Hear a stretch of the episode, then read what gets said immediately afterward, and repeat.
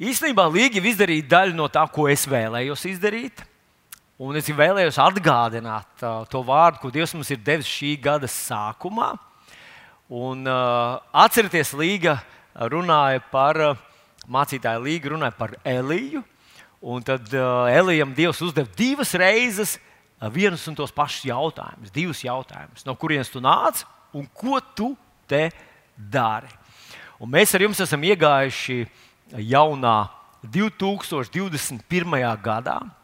Es esmu pārliecināts, ka tu arī piekritīsi man, ka šis gads ir dieva dots un ka no dieva nāk labas un pilnīgas dāvanas. Tas nav kaut kāds vēlna gads, ne kāds govs gads vai uh, kaut kur es lasīju, kaut kāds metāliskā vērša gads. nu, Gan drīz vai atsaucās bāla vārds no, no Bībeles, ja tas arī bija teļš. Kāds saka, teļš mums iedos gadu, teļa gads, muļķības. Ja tas ir Dieva dots, Dieva žēlastības pilns gads. Un uh, es ticu, ka Dievs ir paredzējis, ka mēs tajā gadā būsim veiksmīgi.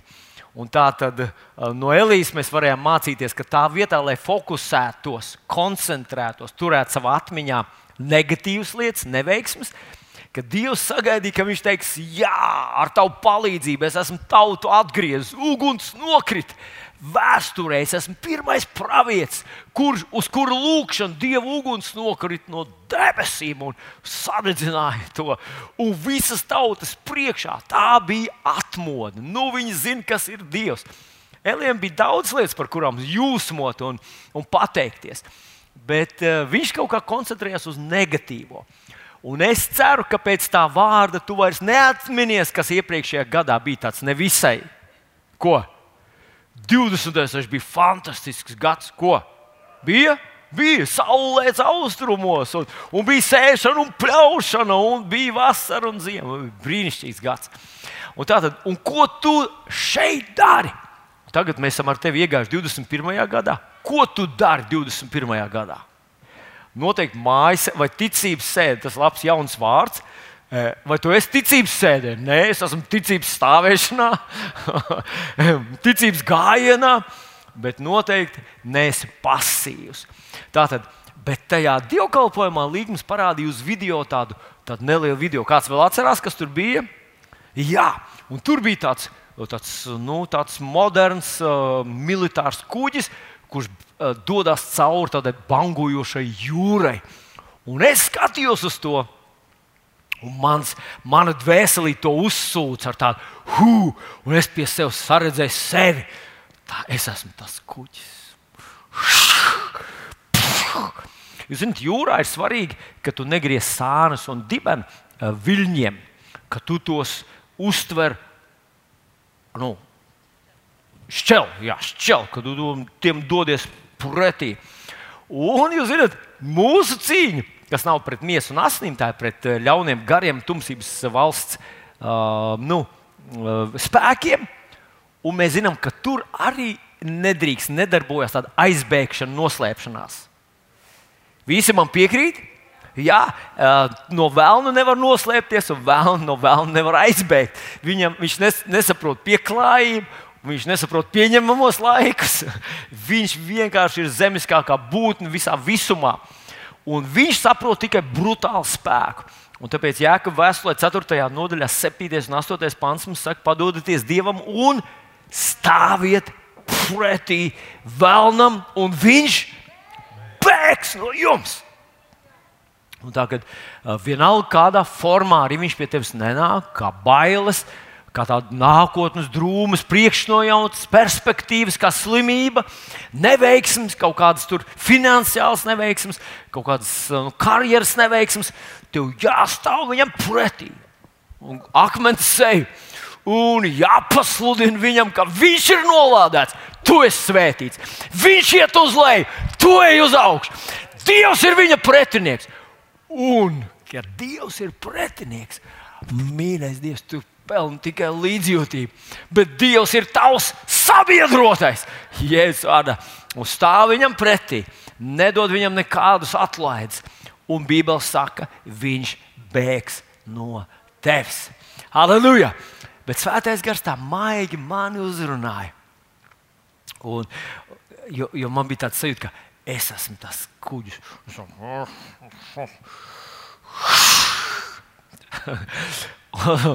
Es nezinu, varbūt jums tas uzreiz bija skaidrs. Jā. Man tā kā, tā kā vajadzēja kādu laiku, ka, ka nu, Elīze darīja to kļūdu. Viņš es neesmu labāks. Viņš bija iedomājies, ka viņš ir labāks par iepriekšējiem praviešiem.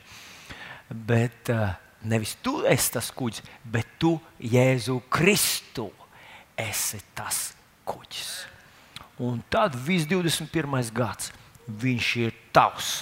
Viņš ir Dieva tev iedots, viņš ir priekš tevis. Un man patīk arī iepriekšējās svētdienas dievkalpojums. Un, un tad es gribēju pieminēt vēl 72. gada 15. aprīļa dievkalpojumu. Atcerieties? man patīk līnija, teica, nu, tas ir 15. aprīļa, tas tur vārds. Es gribu jums atgādināt, maija. nu, tā tad, tā tad nu, kas tad tur bija? Dievs saka, Jozim!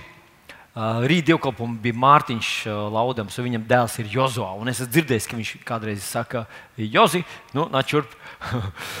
un, un Dievs saka, Jozo, es zinu, ka tu neesi Mozus. Es zinu, un es būšu ar tevi tā, kā es biju ar Mozu. Un to pašu tieši šie paši vārdi, kā es biju ar Mozu, kā es biju ar Pāvilu, kā es biju ar Dāvidu, kā es biju ar Zadrahu, Mezahu un Ebednego. Es būšu ar tevi. Un viņš iebaks tev krūtīs šajā rītā. Es gribētu tev pieiet klāt, bet nu, epidemioloģiskie visi tie ierobežojumi neļauj. Es gribētu iebakstīt tev krūtīs un pateikt, ka Dievs būs ar tevi. Nebaidies, netrīc. Un trīs reizes viņš saka tam Jozim, es esmu stiprs un drošs. Es esmu stiprs un es esmu stiprs un drošs. Es būšu ar tevi. Šis gads ir tavs gads. Halleluja! Un, uh, paldies Dievam, mums ir uz, uz ekrāna šis skats no tā video. Un tu vari paskatīties un to un ierēķināt, tu vari ieraudzīt sevi, paņemt savā dvēselē to bildi, ka kad tu esi Kristu Jēzu, tu esi nenogremdējams, neuzvarams, neapstādināms, jo viņš ir visu šķērsļu uzveicējs un visu ienaidnieku sakāvējs. Viņš iet uzvaras gājienā, viņam pieder visa vara debesīs un virs zemes, un viņš ir tevī, un viņš ir ar tevi. Aleluja! Dosim viņam aplausu! Slava Jēzum! Jā, un tomēr šis 21. gads viņš drusku atšķirās no visām lietām, no iepriekšējām. Un, zinot, manuprāt, viņš atšķirās ar ātrumu. Ka šajā gadā nu, kaut kādas pārmaiņas notiek tik strauji, tik strauji, ka tu nespēji pie viņiem adaptēties. Un es domāju, ka tas izsauc visā pasaulē tādu sašutumu tiek izdot viena noteikuma, tik, tikko tu sāc saprast, kas tad tie noteikumi ir. Pums, mainās citi noteikumi. Tu sāc domāt, lasīt, mēģināt atrast, kur tad ir tie noteikumi, uzrakstīt. Pums, atkal citi noteikumi ir. Un mūsos radās tāda, hei, kā tu lai cilvēks plāno savu dzīvi, kā lai tu ieplāno, ko tu nopirksi veikalā, tu nezini, vai būs atvērts, nebūs atvērts, vai drīkst zeķu bikses ņemt, vai, vai es personīgi speciāli nekad neņemu zeķu bikses, jo tu nevari zināt, vai viņas ir atļautas vai nav atļautas. Nu, šis ir tas gads tāds. Kaut kur apstuļu, piedodiet, atklāsmes grāmatā ir uzrakstīts, un laika vairs nebūs. Un tie notikumi mainās tik strauji, ka tu nevari tā pie, nofiksēt visu, un tad sākt plānot savu dzīvi. Tās pārmaiņas ir negaidītas, ātras, un tu nespēji uz viņām pat nofokusēties un pieņemt viņas. Nu, vecie līgumi vairs nav spēkā. Nu, es, es dzirdēju, šorīt es ar vienu ģimeni parunājos, un viņi saka, bērns nezina, ko darīt, vai vasara būs vai nebūs. nu, tā ir ziņā, vai būs uz skolu jāiet vasarā. Un es domāju, tāds ir tāds, nu, tāds fundamentāls dabas likums. Vasarā skolnieki ir brīvi. Ko? Nu, nu, kopš pasaules radīšanas tas tā vienmēr ir bijis. Un tagad pat tas tiek apšaubīts. Iespējams, ka vasarā būs jāiet skolā. Nu, vecie līgumi vairs nav spēkā, vecie noteikumi nav spēkā. Neviens nezina, kas būs. nu, labi, es neapskaužu. Un, un, un tad es sāku domāt, ātrums nenormāls, lī, līgums vairs neviens neievēro. tas Trumpa fenomens, ka pasaules mērogā viņš aizgāja no kaut kādiem līgumos, kurus valsts bija parakstījusi, tas tikai liecina par vispārējo pasaules tendenci, kā tas šajā pasaulē ir. Tagad, pa jaunam, tu vairs neko nespēji prognozēt. Caurspīdīga pasaule, pasaulē, kurā visu par tevi zina. Un dažiem ir bailes. Es saku, nu, nu kas manī tik interesants, ka, nu, ko, ko tur par mani var zināt. Bet eksperti, man liekas, ka paskaidrosim, tie eksperti saka, ka tas ir ļoti neparasts fenomens. Ka par tevi visu zina tavs hobijs, tavs, kas tev patīk, un, un, un tavs simpātijas un antipātijas, un tā tālāk. Ka tā ir jocīga pasaule. Un tad Pēdējais, ko man gribētos pateikt, kas ir ļoti neparasta pasaule, manuprāt, ir tāda, nu, ka viņa hibrīda tā pasaule ir. Un tādā veidā, manuprāt, apraksta to, ka vairs nevienam nevar ticēt. Nu, paskatieties, uh, viens valdības cilvēks saka tā, otrs saka, viņš melo. Viņam tik balta galva, un tikpat balti viņa melo. Otrs saka, ne, viņš melo. Tu lasi vienā ziņu portālā vienu ziņu, un otrā portālā pavisam savādāk. Tev saka, viena partija saka, ka tas ir balts, otra partija saka, ka tas ir melns. Valstis savā starpā. Tu vairs nopērci avīzi. Agrāk bija ļoti skaidrs, nopērci avīzi un nekam netic, vai ne? Tas viss bija meli. Tagad izrādās, ka avīzēs šur tur ir kaut kas arī patiesa, bet kaut kas arī ir meli. Tu vispār neko nesaproti. Doktori tev saka, un cilvēki un valstis vairs netic. Valdības cilvēki tev saka, un valsts netic. Ziņu aģentūras saka mums, un mēs vairs neticam. Un neviens vairs īsti nevar saprast, kas ir patiesība, kas mel. Izņemot, protams, mūsu ar tevi. Vai ne? Mēs zinām, patiesība ir spēkā, ir nemainīga jau 2000 gadu. Halleluja! Amen! Amen. Un, zinot, visas šīs pārdomu pārdomu gaisotnē, mani atkal un atkal uzrunāja vārds no Lūkas evanģelī 20. nodaļas, 19. un 20. pāns. Un šodien es gribu ar tevi padalīties. Un man sanāks mazliet vairāk palasīt, bet es lūdzu tevi. Es vienkārši saku to no savas paša pieredzes, ka man dvēselīt, izlasot to un pārdomājot, es iegūstu kaut kādu tādu ļoti tādu, tādu smagumu, siltu smagumu. Un tas smagums tai nozīmē, ka tas tāds stabilitāte atnes manā dvēselē un dzīvības siltumu. Un es ticu, ka, ja tu šodien ļaus, lai svētais gars tevi uzrunā, ka tas atnesīs arī tādu stabilitāti un siltumu tavā dvēselē, un šis vārds uh, paēdinās tevi un padzirdīs tavu garu. Un tātad Lūkas evanģēlijas 10. nodaļa, 19. un 20. pāns. Nu, tātad, kas tad tur ir rakstīts? Lūkas 10, 19, 20. Un šeit es lasu tādus vārdus. Redziet, es jums esmu devis spēku, ka varat staigāt pāri čūskām un skorpioniem un katram ienaidniekam spēkam, un viss tas jums nekā nekaitēs. Tomēr nepriecājieties par to, ka gari jums paklaus, bet priecājieties par to, ka jūsu vārdi ir ierakstīti debesīs. Nu, man ļoti rezonē tas 19. pāns. Jēzus vārdu redzi, es esmu tev devis spēku, ka tu vari kap, staigāt pāri čūskām un skorpioniem un pāri katram ienaidnieka spēkam un tas tev neko nekaitēs. Nu, no manas jaunības, no manas bērnības, manī vienmēr ir bijusi tāda vajadzība nu, tā būt stipram. Un savā laikā es gāju speciāli uz sporta zāli, un cilvēki visādus dzelžus un, un tupos tur ar, ar, ar svariem. Man gribējās būt tik stipram puisim, kuram nav jābaidās ne no kā. Un nu, man pat ir tāda kaut kur gan nezinu īsti kur, bet kādreiz man bija tāda maza bronzas medaļiņa vienā sacensībās. Es esmu piedalījies un dabūju trešo vietu. Un, zinat, un es tā pie sevis piefiksēju, ka mans progress bija diezgan, diezgan liels. Un es nenovirzīšos no tēmas, tomēr manā dzīvē bija tādas situācijas, kad es sastapos ar pretiniekiem, kas bija vairāk lielāki, un, un tā īsti likt lietā to savu fizisko spēku nebija īsti iespējams.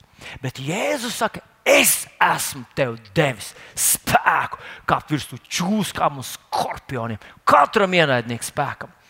Un tas 20. pāns Jēzus pats paskaidro, ka viņš nav runājis par cilvēku uzvarēšanu. Jo viņš saka, priecā, nepriecājieties, ka garjums paklaus. Viņš runā par tumsas spēkiem, viņš runā par demonisko pasauli, par ļauno, indīgo, riebīgo, vēlnišķīgo pasauli, kas ir pretī katram dievu bērnam, lai mēs ar tevi nebūtu veiksmīgi. Par to es esmu dev, tev devis spēku. Un mēs redzam no apaksta Pāvila dzīves, ka viņš kādā vietā, korintiešu vēstulītē, raksta, cik daudz viņš ir cietis Kristus dēļ. Viņš tā kā lielās ar to. Tas ir labākais, kas var notikt ar mums, ar tevi. Ka mums ir tas gods nevienu Kristu pielūgt un viņu godināt, bet arī par viņu ciest. Un Pāvils saka, tas ir tas, ar ko gribu lielīties.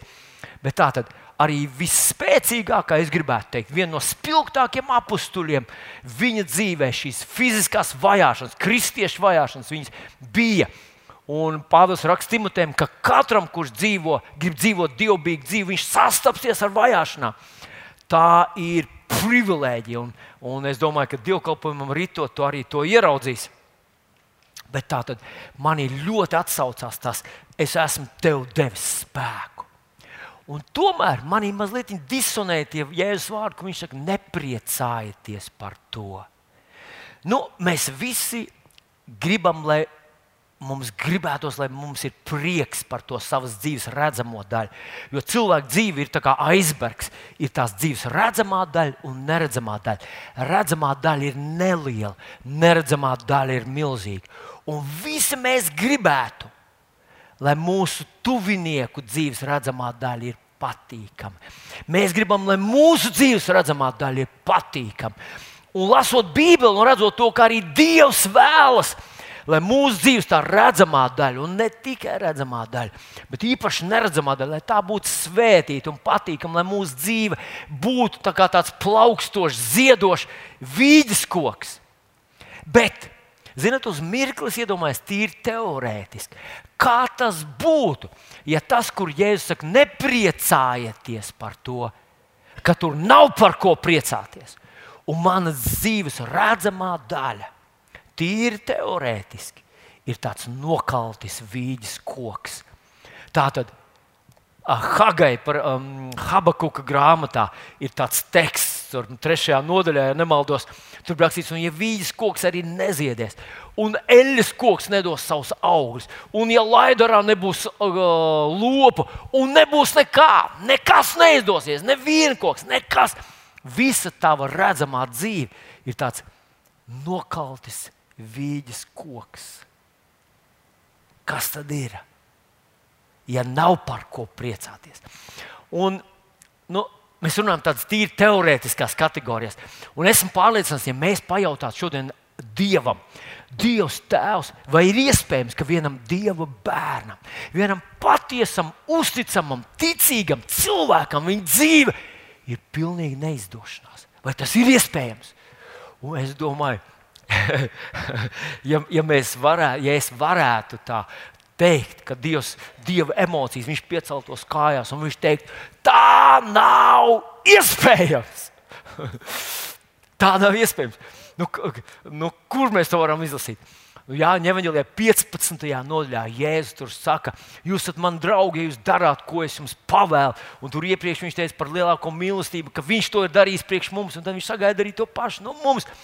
Bet tad viņš mums saka, ne jūs mani esat izredzējuši, bet es jūs esmu izredzējis un jūs nolicis, ka jūs, jūs ejat un nesat augļi, un jūs augļi pastāv. Mūsu neauglība Dievu nepagodina. Tieši otrādi mūsu auglība Dievu pagodina. Un Viņš grib pagodināties caur mums. Viņš grib, lai pasaule redz, ka Viņš ir labs tēvs, kurš rūpējas par saviem bērniem. Ja es teicu, esmu atnācis, lai jums būtu dzīvība un dzīves pārpilnību. Par tevi viņš runā šos vārdus. Halleluja! Bet tīri teorētiski, ja būtu kāds kristietis kaut kur, kuram nekas savā dzīvē nesanāk, nekas, un vienīgais, kas viņam ir, ir tas nākošais pāns, 20. pāns, B daļa bet priecājieties, tātad nepriecājieties par to, ka gars jums paklaus, bet priecājieties par to, ka jūsu vārdi ir ierakstīti dzīvības grāmatā, ierakstīti debesīs šajā vietā. Nu, tie, kas mēs lasām Bībeli un cenšamies to studēt, mēs esam droši vien konstatējuši, ka Dānijas grāmatā, piemēram, tā nosaukt par grāmatu. Uh, um, atklāsmes grāmatā ir nosaukta ar jēru, kurš nokauts pirms pasaules radīšanas dzīvības grāmata. Kaut kur tā ir vienkārši nosaukta par dzīvības grāmatu.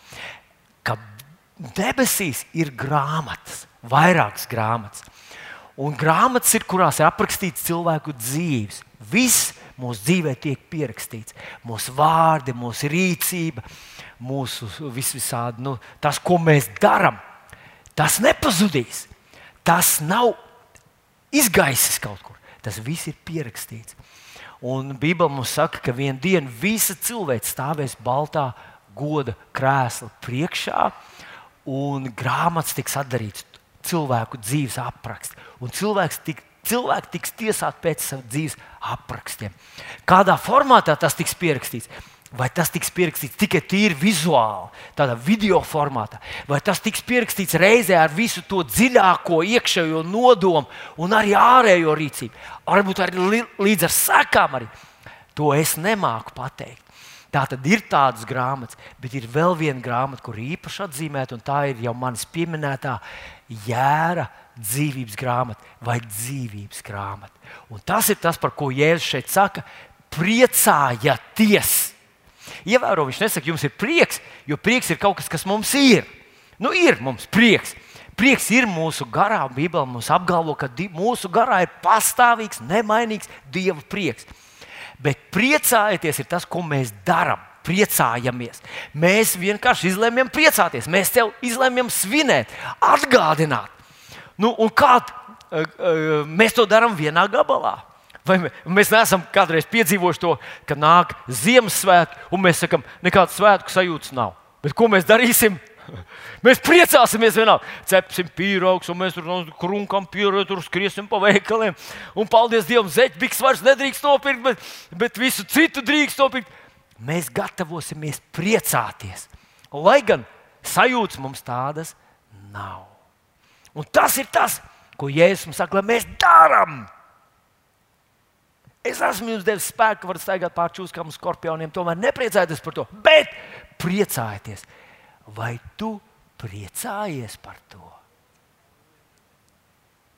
Cik bieži tu par to priecājies? Es esmu pārliecināts, ka tad, kad mēs to darām, ka tas mūsos atraisa kaut ko tādu, ko mēs iepriekš neesam pazinuši.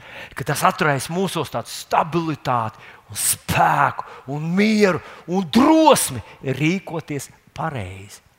Mīļais draugs, priecājies par to, ka tavs vārds ir ierakstīts dzīvības grāmatā. Un, nu, es gribētu pāris uh, paskatīties divas domas par to, kādi tad ir tie cilvēki, kur vārdi ir ierakstīti dzīves grāmatā. Un pirmā rakstvietiņa ir no Lūkas evanģēlijas, piedodiet, eh, no atklāsmes grāmatas 13. nodaļas 8. pāns. 13, 8. Uh, Rekas tur ir uzrakstīts par tiem cilvēkiem, kas, uh, kur vārdi ir ierakstīti dzīves grāmatā. Tātad un to pielūgs, te iet runa par zvēru un antikristu, grēka cilvēku, pazušanas dēlu. Viens tāds pazušanas dēls ir nosaukts Jūdas, un vēl viens būs tad, kad tas būs laiku beigās. Un, iespējams, ka mēs ar tevi viņu redzēsim. Tātad, un to pielūgs visi, kas dzīvo virs zemes, kuru vārdi nav rakstīti kopš pasaules radīšanas nokautā jēra dzīvības grāmatā. Šis pāns mums saka, ka visa cilvēce sadalīsies divās daļās. Viena pielūgs to pazušanas dēlu, apbrīnos viņu, teiks, kas par gudrību, kas par politiķu, kas par ģēniju. Un otri viņu nepielūgs. Un tie ir tie, kuru vārdi ir ierakstīti dzīvības grāmatā. Un mēs nākošajā pantiņā redzēsim, nākošajā rakstvietņā redzēsim, ka tas brīžam saistīsies ar tādām dzīvības briesmām. Bet tie, kuru vārdi ir ierakstīti dzīvības grāmatā, nelieksies, neizbīsies, nepadosies un nepielūgs viņu, lai vai kas. Un es domāju, tik svarīgi, ka mēs ar tevi dalāmies ar cilvēkiem ar evaņģēlīju. Un ar viņiem var notikt tikai viena no divām lietām. Vai nu viņi pieņems Jēzu, vai viņi nostāsies tajā grupā, kas viņu atraidīs, bet pieņems citu mesiju sev, pēdējo laiku glābēju un mesiju pazušanas dēlu un pielūgs viņu. Tātad cilvēks pielūgs vai nu pazušanas dēlu, vai dzīvības ķēniņu. Un mēs ar tevi, kuru vārdi ir dzīvības grāmatā, mēs nepielūgsim antikristu. Viņam pielips šis apzīmējums, lai vai kas. Vai es drīkst dzirdēt tavu āmenu uz to? Amen! Halleluja! Nu, otru rakstvietiņu grib no Lūkas evanģēlīja 20. nodaļas izra, uzlas, izra, mm, piedodiet, izlasīt. Tad es redzēju troņus, daudz troņu Uz tiem apsēdās kādi, tiem bija dots tiesu spriest. Un es redzēju to dvēseles, kas Jēzus liecības un Dieva vārda dēļ noslapkavoti. Cilvēki, kas Jēzus liecības dēļ noslapkavoti. Te ne tikai runa par pagātni. Es, protams, nevaru nosaukt konkrētas cipars un konkrētas valstis. Es apmēram esmu, dzir apmēram esmu dzirdējis to statistiku. Bet runā, ka šodien Jēzus asins liecinieku ir vairāk nekā draudzes sākuma posmā. Vēl aizvien cilvēki dažne dažādās pasaules valstīs mirst, tiek apcietināti, tiek sodīti, mocīti, tāpēc, ka liecina par Jēzu Kristu. Un es ar to gribu teikt, ka arī 21. gadsimtā mūsos šī Kristus liecinieka gars ir tikpat stiprs kā pašos sākumos. Bet tā tad noslapkavot, kur nebija pielūguši zvēru un viņa tēlu, nebija pieņēmuši zīmi savus pierus un rokas, tie kļuva dzīvi un valdīja kopā ar Kristu tūkstoši gadi. Tā tad atcerieties, mēs tikko lasījām, ka tie ir tie, kas nepieņems to viņa zīmes, pierus un rokas. Tie valdīs kopā ar kungu Jēzu. Tātad Tie ir nevi, ne vienkārši tādi slīkstošie, kas kaut kur kādā mirklī izkliedz, Jēzu, Jēzu glāb man. Pirms, nu, nu, bet tie ir cilvēki, kas ir nodevušies, kas neliecās neviena cita priekšā, izņemot savu mesijas un glābēju kunga Jēzus. Tie ir viņa uh, mācekļi, tie ir viņa pavalsnieki, tas ir viņa galms, tie ir viņa draugi uz mūžu. Es domāju, tā ir milzīgs gods un privilēģija, ka mēs ar tevi piedaram šai grupai, kur vārdi ir ierakstīti dzīvības grāmatā. Mēs par to varam priecāties. Bet nu, tagad pāris raksturvietas tieši to, ko tad, ko tad Bībele mums saka, kas pieder, kāds apsolījums ir tiem cilvēkiem, kuru vārdi ir ierakstīti dzīves grāmatā. Un pirmā, kā pirmo gribu parādīt no Daniela grāmatas 12. nodaļas, kur viņš runā par tām lielajām bēdām, kas mums stāv priekšā. Viņš saka, ka tie cilvēki, kur vārdi ierakstīti dzīvības grāmatā, viņi tiks pasargāti no šīm lielajām bēdām. Un teologi viena saka, ka Dievs paņems prom savējos, cits saka, viņš brīnumainā veidā izvadīs viņus cauri. Un man gribas teikt, ka abiem ir taisnība. Jo vienus dievus Eģiptē, kad bija kaut kas līdzīgs, Dievs Izraēla tautu izved cauri, un lai gan tur kolīzijas sastāvā Eģiptē bija dieva tauta, tas neskāra. Dievs var izdarīt gan vienu, gan otru, bet viņš apsolīs, ka to izdarīs. No nu, rekur mēs lasām Daniela grāmatu 12. nodaļu, 1. pāns. Tanī laikā celsies Mihails, lielais eņģeļu valdnieks, kas pasargās tavus tautiešus. Tad nāks bēdu laiki, kādi vēl nav bijuši, kamēr vien dzīvo tautas. Līdz pat šim laikam, taču tajā laikā tava tauta paglāpsies. Visi, kas ierakstīti dzīvības grāmatā. Halleluja! Debes Tēvs, es pateicos par šo apsolījumu, ka pasaulē nav viegli laiki priekšā, bet tu teici, visi, kur vārdu dzīves grāmatā, tiks izglābti. Nu, paskaties nākamo rakstu vietiņu. Atklāsmes grāmata 3.5. Tātad Jēzus viņu vārdu apliecinās Dieva un viņa eņģeļa priekšā. Kas uzvar, tas būs ģērbts baltās drēbēs. Es viņu vārdu neizdzēsīšu no dzīvības grāmatas. Viņu vārdu es apliecināšu manu tēva un viņa eņģeļu priekšā. Viņa vārdu es apliecināšu manu tēva un viņa eņģeļu priekšā. Es nezinu, vai tu esi bijis kādā prominentā, tādā, nu, kaut kādā tādā tusiņā. Un tas nama saimnieks tev stāda priekšā dažādus cilvēkus. Un tad viņš saka, šis ir, nu, teiksim, un viņš nosauc, tas ir mans radinieks, tas ir tas īpašais cilvēks manā ģimenē vai, vai mans draugs. Un mēs nu, saprotam, ka tie cilvēki ir īpaši. Un tas ir tas, ko Bībele mums saka, ka vienā dienā tu un es stāvēsim Dieva uh, goda tronu, troņa priekšā. Un Jēzus teiks par Normūnu, piemēram, tas ir Normons Lemantovičs. Viņš ir manā īpašo viesu sarakstā. Nē, labi, viņš neteiks viesu. Viņš ir Normons ir manu īpašo uzticamo mācekļu sarakstā. Viņš ir mans draugs. Un līdz ar to visi uzreiz tā, ah, ok. Tas ir tas, ko viņš saka.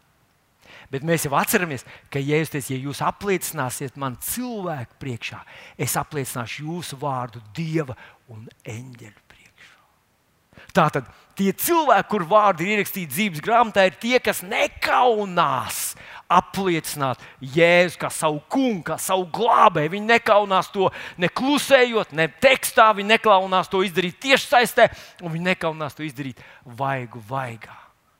Uh! Paklausies!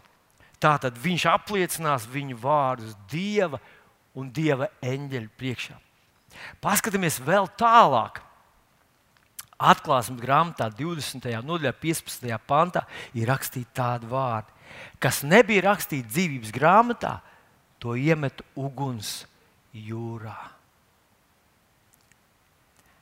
Bet, ja mēs palasītu vēl tur plašāk to kontekstu, mēs konstatētu, ka šie cilvēki, kuru vārdi ir dzīvības grāmatā, nemaz nenonāks baltā troņa priekšā, kā tiesneša priekšā. Viņi jau pirms tam, pirmajā augšām celšanās, būs dalībnieki, un viņi valdīs kopā ar Mēsiju tūkstotis gadu šajā pasaulē. Un tas būs Mēsijas miera gadu tūkstots, milēniums. Un tas būs laiks, kad vēlams būs saistīts uz tūkstošiem gadiem, iemest bezdibenī. Un, zinot, tas nozīmē, ka zemes zelta laikmets vēl ir tikai priekšā. Nebūs problēmas ar resursu trūkumu, nebūs problēmas ar vīrusiem.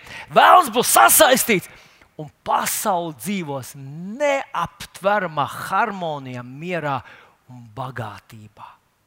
Halleluja! Un mēs ar tevi, kur vārdi ierakstīti dzīves grāmatā, mēs valdīsim kopā ar viņu. Halleluja! Nu, uh, gribu, lai parādītu tev vēl nākamo, nākamo uh, piemēru, un tas ir. Uh, un, un tas ir uh, Un tas ir ļoti, ļoti spēcīgi raksturvietiņa no atklāsmes grāmatas 21. nodaļas. Tur viņš runā par to, ka tie, kur vārdi ir ierakstīti dzīves grāmatā, viņi dzīvos jaunajā Jeruzalemē. Redzat, mēs esam pieņēmuši Jēzu savās mājās. Un te viņš runā par to, ka es, viņš vēl savā, savas dzīves laikā, zemes dzīves laikā teica, es aizēju jums vietu sagatavot. Un te mēs lasām, kāda tā vieta ir. Un, un tas, nu, es laikam pirmo reizi savas kalpošanas 30 gados, pirmo reizi lasu no šīs raksturvietiņas, bet man vēselī to uzsūca. Un, vienu reizi es biju slimnīcā pie viena ļoti smaga uh, cilvēka, kurš bija mirkli pirms savas aiziešanas. Viņš bija tā kā tādā nu, tā kā nesamaņā. Un es lasīju viņam šīs raksturvietiņas no atklāsmes grāmatas, un pēkšņi viņa mute izdevās tādus vārdus. Viņš teica, kaut ātrāk uz turieni. Un es sapratu, ka arī šis ir Dieva vārds, un tas rada mūsos ticību. Un tātad es palasīšu no Lūkas evanģēlīja 20, piedodiet, no atklāsmes grāmatas 21. nodaļas mazliet. Es nelasīšu visu, jo tas teksts ir ļoti garš, bet viņš ir ļoti spilgts. Un tātad, ko tad mēs te lasām? 21.9. Atnāca viens no septiņiem eņģeļiem kuriem bija septiņi kausi, pildīti ar septiņām pēdējām mocībām, runāja ar mani un sacīja: Nāc, es tev rādīšu līgavu jēra sievu. Viņš man aiznes garā uz lielu augstu kalnu un rādīja man svēto pilsētu, Jeruzalem, nokāpjam no debesīm, no dieva. Tā bija dievišķā godībā. Tas spožums bija kā visdārgākā akmens spožums, kā kristāla dzidrs jaspits. Te bija liels augsts mūris ar 12 vārtiem, un uz vārtiem 12 eņģeļi. Tur bija uzrakstīti 12 vārdi, tie bija Izraels cilšu, 12 cilšu vārdi. Tad tur bija vārdi, trīs vārti uz austrumiem, ziemeļiem, dienvidiem, rietumiem. Pilsētas mūrim pamatā bija 12 akmeņi, uz tiem rakstīja 12 apstuļu vārdi. Tam, kas ar mani runāja, bija mērkoks, zelta niede, pilsētas, tās vārtu un mūra mērīšanai. Pilsēta bija celta četras stūrī, tikpat gara, cik plata. Viņš mērīja pilsētu ar niedri, un tur bija 12,000 stadiju. Un Bībeles pētnieki ir izreikinājuši, cik tas ir apmēram mums saprotamos mēros. Un es uzdrošinos teikt, ka tas ir apmēram 2400 km.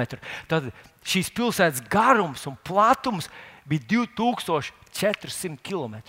Nu, mums kaut kāds priekšstats vajadzētu, cik tālu ir 2400 km. Piedod, un tas nav līdz ķekavai. Tas ir līdz apmēram līdz Romai, 2400 km. Tad pilsētas garums ir līdz Romai, pilsētas platums ir līdz Romai. Tas vienkārši neizskaidrojam, neizprotam mēri, bet viņš ar to nebeidz. Viņš saka, un augstumā tā ir 2400 km.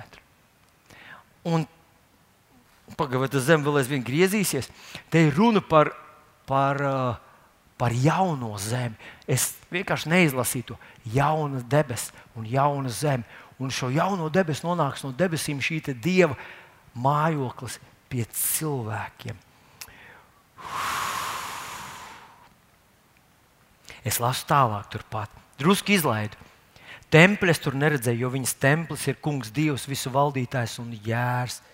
Pilsētā saules un mēnesis gaismas nevajag, jo Dieva spožums to apgaismo, un viņas gaisma ir jērs. Tautas staigās viņas gaismā, un visas zemes ķēniņi nesīs turp savu grēznumu.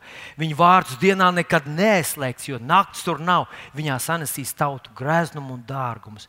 Ne mūžam tur nekas neieies, kas nesvēts, un neviens, kas dara negantību un melo, bet vienīgi tie, kas rakstīti jēra dzīvības grāmatā.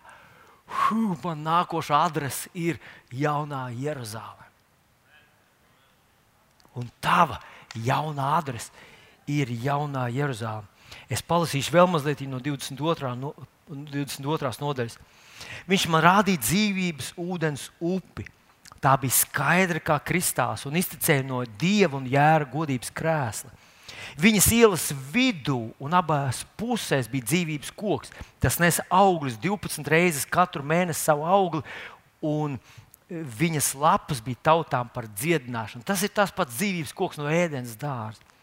Nekas tur vairs nebūs nolādēts. Tur stāvēs dieva un viņa jēra tronis, un viņa kalpi tam kalpos. Tie skatīs viņa vaigu, Viņa vārds būs tiem uz pierēm. Tur nebūs vairs nakts, ne sveces, ne saules gaismas. Tiem nebūs vajadzīgi, jo Kungs Dievs izlies gaismu pār viņiem, un viņi valdīs mūžīgi mūžam. Viņš man sacīja, šie vārdi uzticami un patiesi. Tas kungs, praviešu garu Dievs, ir sūtījis savu eņģeli atklāt saviem kalpiem, kas drīzumā notiek. Viņš to saka pirms 2000 gadiem, kas drīzumā notiks. Mēs esam visu šo laiku pašās, pašās beigās. Ja tavs vārds ir šajā dzīvības grāmatā, Tas nozīmē neizmērojams privilēģijas. Tas nozīmē neiedomājamu bagātību. Tas nozīmē neiedomājamu žēlastību un dāsnumu. Apelsīns Pāvils raksta romiešiem 8. nodaļā, viņš saka, Dieva mantinieki. Tāpēc viņš saka šos vārdus. Es esmu jums devis spēku, ka jūs varat staigāt pāri čūskām un skorpioniem un pāri katram ienaidnieku spēkam. Tomēr priecājieties par to, ka jūsu vārdi ir ierakstīti dzīves grāmatā. Man liekas, ka mums ar tevi to vajadzētu katru rītu piecelties un sev atgādināt, teikt, mans vārds ir dzīves grāmatā. Un šajā pasaulē, pat ja man nekas neizdotos, es esmu miljonus reižu veiksmīgāks par pašu veiksmīgāko neticīgo cilvēku. Un tas ir tā, tie vārdi, kurus Jēzus saka Marka Evanģelijā, 8. nodaļā. Ko tas cilvēkam līdz, ka viņš iemanto visu pasauli? Ko tas cilvēkam līdz, ka viņš ir superveiksmīgs, ka viņš ir superbagāts, brauc ar kādu vien grib mašīnu, brauc ar kādu vien iedomājas jahtu. Viņš var nopirkt jebkuru salu, jebkuru valsti, jebkuru kontinentu, kontinentu kurš var ietekmēt cilvēces vēsturi no savas bagātības un ietekmes perspektīvas. Bet viņš pazaudē savu dvēseli. Ko tas viņam līdz? Bet iedomājies, ka tu es iegūstu kaut ko vairāk nekā var iegūst kāds šis superbagātais cilvēks. Tavs vārds ir ierakstīts dzīvības grāmatā. Un tāpēc es esmu simtprocentīgi pārliecināts, ka Dievs grib, lai tu kāp virsū čūskām un skorpioniem. Nevis pieklājīgi gaida, ka viņi no tevis aizies, bet kad vien tev ir iespēja, kad vien viņš pabāž savu zemisko galvu tavā ģimenes dzīvē, tavā uh, personīgajā dzīvē, tavai veselībai, kad vien viņš to apdraud, bez ceremonijām, kāp viņam virsū, tavi vārdi. Nav tavi vārdi. Ja es teicu, kas uzņem mani, kas uzņem jūs, tas uzņem mani, un kas uzņem mani, uzņem to, kas man sūtīs. Kas jūs neciena, kas cīnās pret jums, viņš necīnās pret jums, viņš cīnās pret mani. Un tas, kas cīnās pret mani, cīnās pret to, kas man ir sūtījis. Citiem vārdiem, kad tu saki, Sātan, vācies prom no manas dzīves, Covid-19, es novālu tevi, es neslimošu ar tevi, es nepieņemu tevi. Tie nav tikai tavi vārdi. Tas ir tas, ko viņš gribēja, lai tu dari. Un es esmu pārliecināts, ka viņam ir jāatkāpjas. Kāda mēroga, kāda zemiskuma, kādas diagnozes, kādas frekvences arī vēlams nenāktu tavā dzīvē. Tev ir pilnvars kāpt viņam virsū.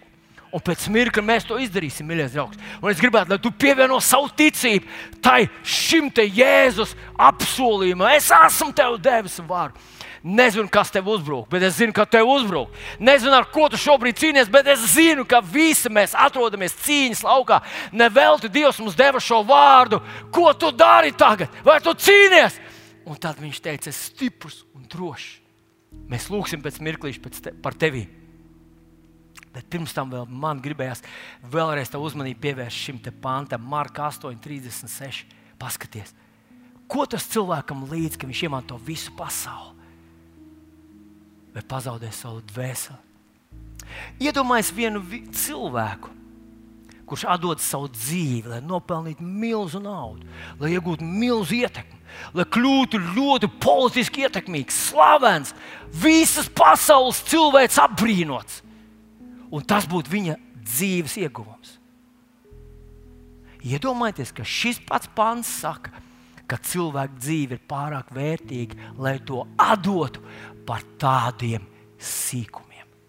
Tas viņam nelīdz neniek. Jo Dievs, redziet, neskatās no tās īsās perspektīvas, tas laiciņš līdz kapa bedrē. Dievs skatās un viņš redz mūs tādus, kādi mēs esam. Mēs esam mūžīgas būtnes. Mūsu dzīve ir īsa prelodija un tad mūžība. Šeit mēs īsumā izvēlamies, ko, ar ko mēs gribam pavadīt savu dzīvi. Vai ar pazušanas dēlu, vai ar mesiju. Un ja mēs izvēlamies mesiju, tad viņš ieraksta mūsu vārdu dzīves grāmatā. Un šeit viņš saka, ka cilvēka dzīvība, kas ir ļoti vērta, un no vienas perspektīvas varētu teikt, ka kas ir cilvēka dzīvība, tas ir tas laiciņš starp gulēšanām un ēšanām. Pavisam īsi mirklīši tikai. Bet tā ir gana vērta Dieva acīs, lai tu to nodzīvotu tā, lai tavs vārds tiktu ierakstīts dzīves grāmatā. Mīļais draugs, es ļoti gribētu, lai tu apzinājies, ka tavs vārds ir tur iekšā. Un tad tu dzīvo savu dzīvi tā, lai viņš netiktu izdzēsts no turienes. Lai tavs vārds netiktu izdzēsts no turienes. Manuprāt, tas šī svinēšana, tavu vārdu dzīves grāmatā svinēšana, tā ļauj tev apzināties, ka tas ir dārgums, ka tā ir vērtība, ka tas ir tas, ar ko tu nespēlēsi. Tas ir dimants, kur tu nemētā gaisā. Tas ir dimants, ko tu nesā savā sirdī pāri visam, kas jāsargā. Es sargāju, lai mans vārds ir dzīvības grāmatā. Jēzu Kristu. Halleluja! Es pateikšu vēlreiz to frāzi. Es zinu, ka jūs jau esat to ielāgojuši, un tomēr es gribu to pateikt. Pat ja tava dzīve būtu nokalts vīģis koks, un tev savā dzīvē nekas nesanāktu no tādas, no, no malas, kāds varētu teikt, nu, kur ir? Tu esi nenormāli veiksmīgs, ja tavs vārds ir dzīvības krāsa.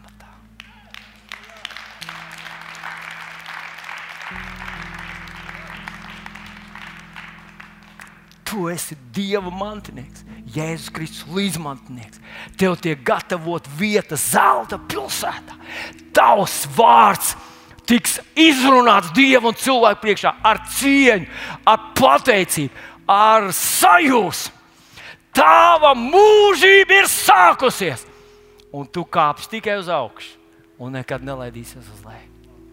Bet man ir tā labā ziņa, ka Dievs Dievs saka, pagaidi, bet mēs vēl šeit ar tevi pastrādāsim. Kā visam, visam čūskam, visiem ienaidniekiem, visiem nelabēļiem, visiem nabadzības dēmoniem, visām bailēm, visiem slimībām. Jēzus vārdā. Aleluja!